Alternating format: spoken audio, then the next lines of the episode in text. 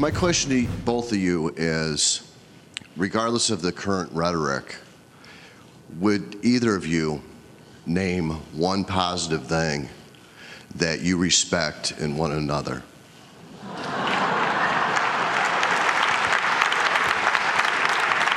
Mr. Trump, would you like to go first? Well, I, I certainly will, because uh, I think that's a, a very fair and important question. Look, I respect his children. His children are incredibly able and devoted, and I think that says a lot about Donald. Mr. Trump.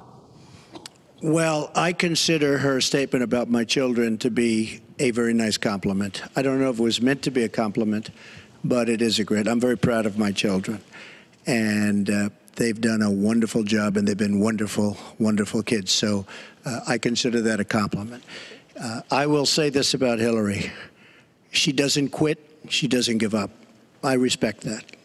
I tell it like it is. She's a fighter. I disagree with much of what she's fighting for. I do disagree with her judgment in many cases. But she does fight hard and she doesn't quit and she doesn't give up. And I consider that to be a very good trait. Ja, zo heb je Hillary Clinton en Donald Trump natuurlijk niet vaak gehoord. Hè? Zeg eens iets positiefs over elkaar. Dat werd gevraagd in een zogenaamd town hall debat. En dat gaan we in Nederland ook doen. Ja, dat gaan we uh, deze week doen. Uh, morgen, als je de podcast luistert op de dag dat hij uitgekomen is. En anders later vandaag, vanavond bij SPSS in het debat van Nederland.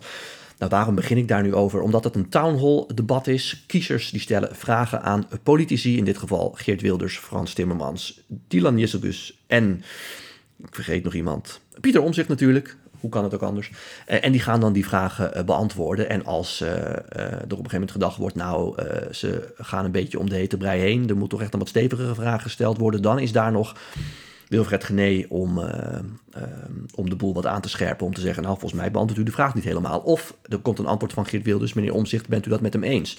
Merel Eck en Sam Hagens die staan in het publiek. En Wilfred Gené die gaat vervolgens kijken of die vragen wel goed beantwoord worden. En ik haal dat nu allemaal aan, niet zozeer om daar reclame voor te maken. Al denk ik dat het heel erg interessant gaat worden. Maar omdat het een van de eerste keren is dat we echt zo'n soort town hall debat in Nederland organiseren. De College Tour heeft het natuurlijk een beetje gedaan, maar dit is wat meer op het Amerikaanse format. En dat vind ik heel goed, omdat het een ander soort vragen oplevert. Kiezers stellen nu eenmaal andere vragen en stellen vragen ook op een andere manier dan een journalist dat doet. En daarom denk ik dat we vaker van dat soort debatten in Nederland moeten organiseren. En daarom liet ik het fragment net ook zien van, uh, of horen van Hillary Clinton en Donald Trump. Je hebt altijd, om je even mee te nemen in hoe het in Amerika gaat, drie presidentsdebatten en natuurlijk altijd een vicepresidentsdebat, maar drie presidentsdebatten. En die vinden plaats in verschillende vormen. Dat wisselt per vier jaar, maar over het algemeen is er altijd één debat waarin ze achter van die uh, lecterns uh, staan, die katheders uh, staan. Je hebt één debat waarin ze aan tafel zitten en met elkaar praten. En je hebt één debat, dat is dan een town hall debat, waarin ze op een soort krukje zitten en rondlopen in een arena met kiezers om hen heen. Kiezers die niet zozeer bij kamp A of kamp B horen, maar kiezers die nog niet weten op wie ze gaan stemmen, zwevende kiezers. En die dan dus vragen mogen stellen. En dat werkt nogmaals ontzettend fijn. Het is spannend altijd om naar te kijken, want ja, die interactie is heel anders als dat je uh, staat of zit uh, achter uh, zo'n spreekgestoelte. Maar nogmaals, ook omdat die vragen gewoon heel anders zijn. En dat merk je ook aan dit fragment wat ik net liet horen. Van ja, zeg eens iets aardigs over elkaar bijvoorbeeld. Ja, een journalist zou het niet 1, 2, 3 vragen, een kiezer wel. Uh, de eerste keer dat zo'n debat werd georganiseerd, een beetje historie, was in 1992. Uh, dat hele format van zo'n town hall is al een stuk ouder in de Amerikaanse politiek. Maar tijdens die campagne was er een kandidaat namens de Democratische Partij. De gouverneur van Arkansas, Bill Clinton, die ging het hele land door en die zei: Ja, ik vind het hartstikke leuk om mooie speeches uh, te houden. Ik kan dat ook heel goed. Maar Misschien is het handig als ik gewoon eventjes kort uh, meld waarom ik aan de verkiezingen meedoen. En dat u daarna gewoon mij uw vragen gaat stellen. Dan uh, komen we denk ik een stuk verder. En hij deed dat het, door middel van die town hall meetings. Ging het hele land daarmee door. En dat werkte heel goed. En toen bracht dat de commissie die de presidentiële debatten organiseert, de Commission on Presidential Debates, op het idee om dat ook eens landelijk te gaan proberen. En dat gebeurde in 1992 dus als eerst, voor het eerst. Met dus Bill Clinton, met zittend president George H.W. Bush en met een derde persoon erbij, Ross Perot, de zakenman uit Texas, daar hebben we het vaker in deze podcast over gehad, die zichzelf als onafhankelijk kandidaat kandideerde en zo goed scoorde in de peilingen dat hij ook mocht deelnemen aan dat debat.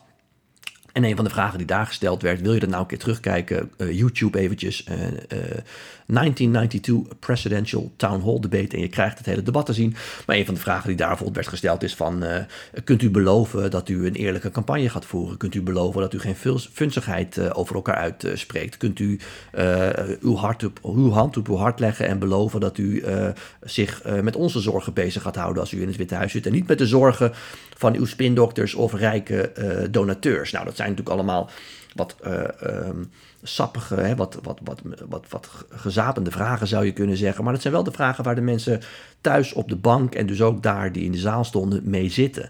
Anders dan hoe gaat u precies de koppeling van het minimumloon uh, regelen bijvoorbeeld. Dat zijn toch een ander soort vragen. Uh, je moet niet alle debatten zo organiseren, maar uh, als je af en toe een debat zo organiseert, zoals we nu dus ook in Nederland gaan doen, dan is dat heel erg goed. En mocht jij dus morgen of vanavond naar dat debat op SBS 6 gaan kijken, half negen op SBS 6, dan uh, heb je in ieder geval een beetje historie in je achterhoofd hoe dat ooit begonnen is uit, uh, in, in de Verenigde Staten in 1992. En um, uh, in 2020 tijdens de verkiezingen is er niet zo'n debat geweest. Dat komt ook omdat er maar twee debatten waren. Hè. We leefden nog in de coronatijd toen en het derde debat ging niet door omdat uit mijn hoofd Donald Trump corona had. En dat was het town hall debat. Um, kan overigens ook meespelen dat ze tijdens corona hebben gedacht... we moeten misschien sowieso niet zo'n town hall debat doen... want dan moeten al die mensen dicht bij elkaar zitten en de kandidaten ook. Dus dat doen we dan een keer niet. Maar normaal gesproken gebeurt het altijd. En bij de aankomende verkiezingen uh, verwacht ik hem ook weer zo'n debat. Nou, dan ben je in ieder geval op de hoogte waar dat hele town hall debat vandaan komt... en uh, uh, hoe dat precies zit en wat daar volgens mij de voordelen van zijn. Goed, dan naar jullie vragen die jullie ingestuurd hebben via Twitter, Instagram en LinkedIn. Ja, en dan de eerste vraag, die komt van Colin. Die zegt, uh, ze bellen je Raymond om de campagnestratege te worden. Uh, wat adviseer je dan, Trump of Biden? Ja, goede vraag, uh, Colin. Um, dan adviseer ik, nou laat ik Trump, ik zal ze niet allebei doornemen, maar laat ik dan Trump als voorbeeld pakken. Trump voert natuurlijk vooral campagne in de rechtszaal. Hè. Heeft ook gezegd, die rechtszaak rondom 6 januari kan niet live op televisie uitgezonden worden. Dat snap ik wel vanuit zijn oogpunt. Wat het betekent dat hij uh, daar nog meer aandacht uh, voor krijgt. Dat die campagne natuurlijk zichtbaar op televisie te zien is. En dat zijn kiezers zien dat hij daar in het beklaagde bankje zit voor iets wat hij niet gedaan heeft. Want zijn kiezers geloven natuurlijk dat 6 januari allemaal doorgestoken kaart is. Tegelijkertijd zou ik hem wel, omdat hij toch ook uiteindelijk, als hij de Republikeinse nominatie krijgt, kiezers in het midden voor zich moet zien te winnen. adviseren om ehm, toch dat, dat, dat imago wat hij heeft als. Uh, ja, mogelijk crimineel. Hè. Daar denken toch kiezers in het midden uh, uh, wat anders over dan zijn eigen achterban. Die denken Trump heeft toch dingen gedaan die niet kunnen. Trump is ook heel vaak onbeschoft.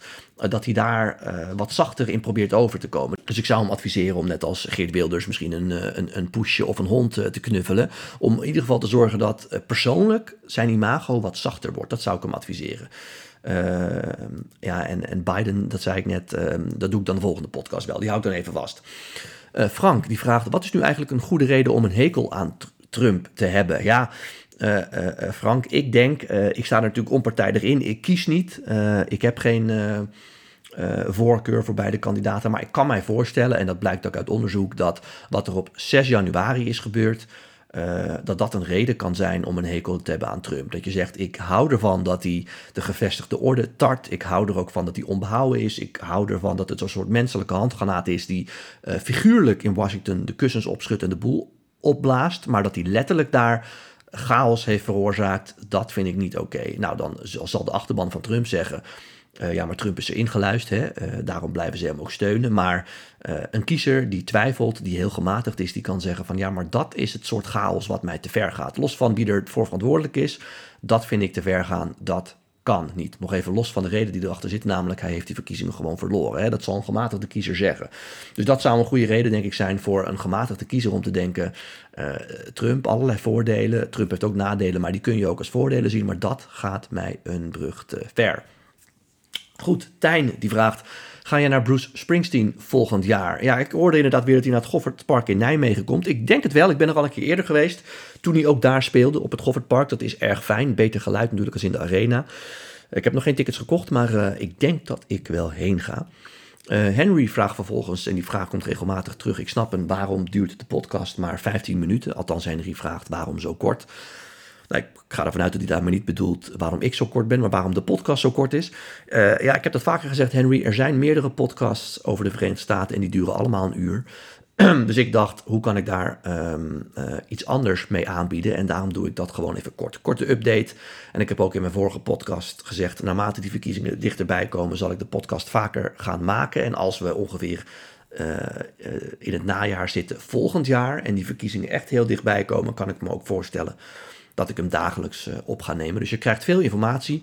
Uh, maar ik denk dat het goed is om, als er al heel veel lange Amerika-podcasts zijn, omdat, uh, waarbij hè, een, een, een, correspondent met een, iemand in, in, in, in Nederland praat. Ja, om dan iets anders aan te bieden, wat in dit geval dus kort is. En waarbij ik me vooral focus op jullie vragen. Xander die vraagt: Vind je eigenlijk zelf ook dat Biden te oud en te broos wordt om president te kunnen zijn, om POTUS te kunnen zijn? Nou. Um, uiteindelijk is dat aan de kiezer. Dus je zal mij niet horen zeggen dat iemand wel of niet met pensioen moet. Um, wat ik wel kan zeggen, dat zeg ik ook in mijn theatertour uh, vaak en ook in diverse programma's. De Joe Biden die in 2008 vicepresident werd. Hè, dus hij verloor de uh, strijd om de democratische nominatie, maar werd vicepresident onder Barack Obama. Dat was eigenlijk de Joe Biden die president toen had moeten worden. Toen zat hij beter in zijn vel, uh, was een stuk scherper, uh, had nog wat meer vlees op de botten ook. Toen, was hij, toen oogde hij een stuk fitter en gezonder. En ja, mijn persoonlijke mening is, toen had hij het moeten worden.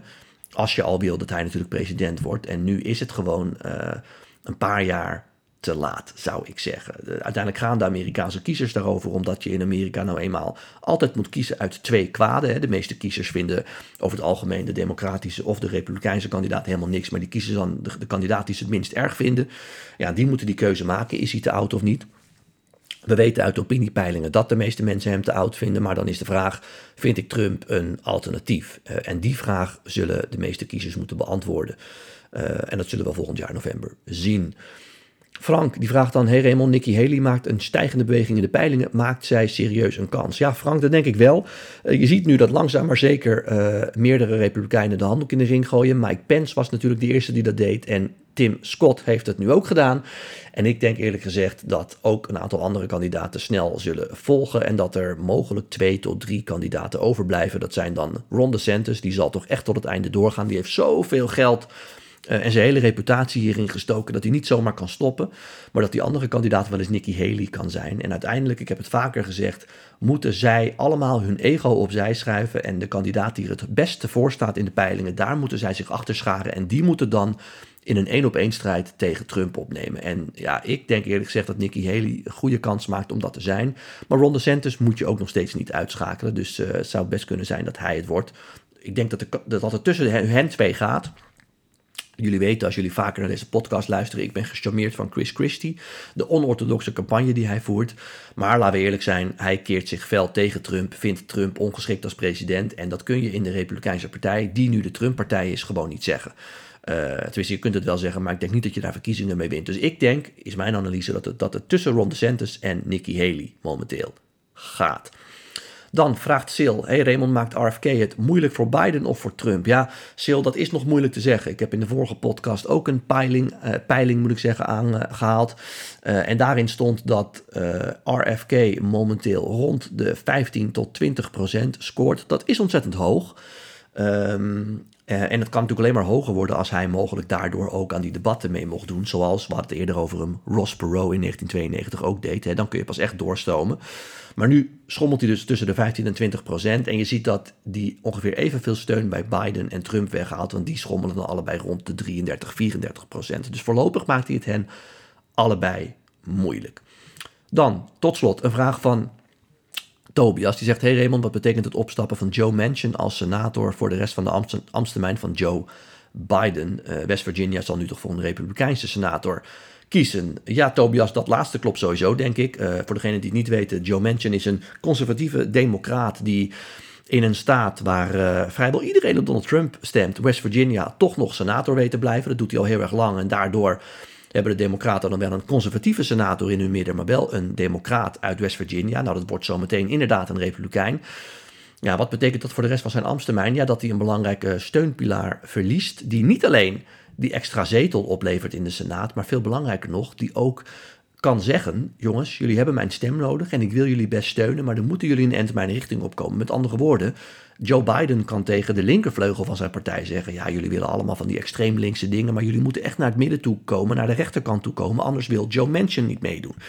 En dat maakt, uh, uh, dat is voor Biden heel belangrijk, want daardoor worden heel veel wetsvoorstellen wat afgezwakt. Die worden minder links, maar wat gematigder. Omdat dus hun democratische collega Joe Manchin ook mee moet doen. En dat maakt Biden weer populairder onder gematigde kiezers, die helemaal niks met de Democraten, dan wel de Republikeinen hebben. Die willen gewoon gematigde doorsnee wetten zien. En Joe Manchin zorgt ervoor dat die wetten van de Democraten minder links worden. En als hij Joe Manchin dus verliest dan zal die linkervleugel van de Democratische Partij zeggen: ja, eh, Joe Manchin is er niet meer, dus nu kunnen we een heel links wetsvoorstel door het congres loodsen.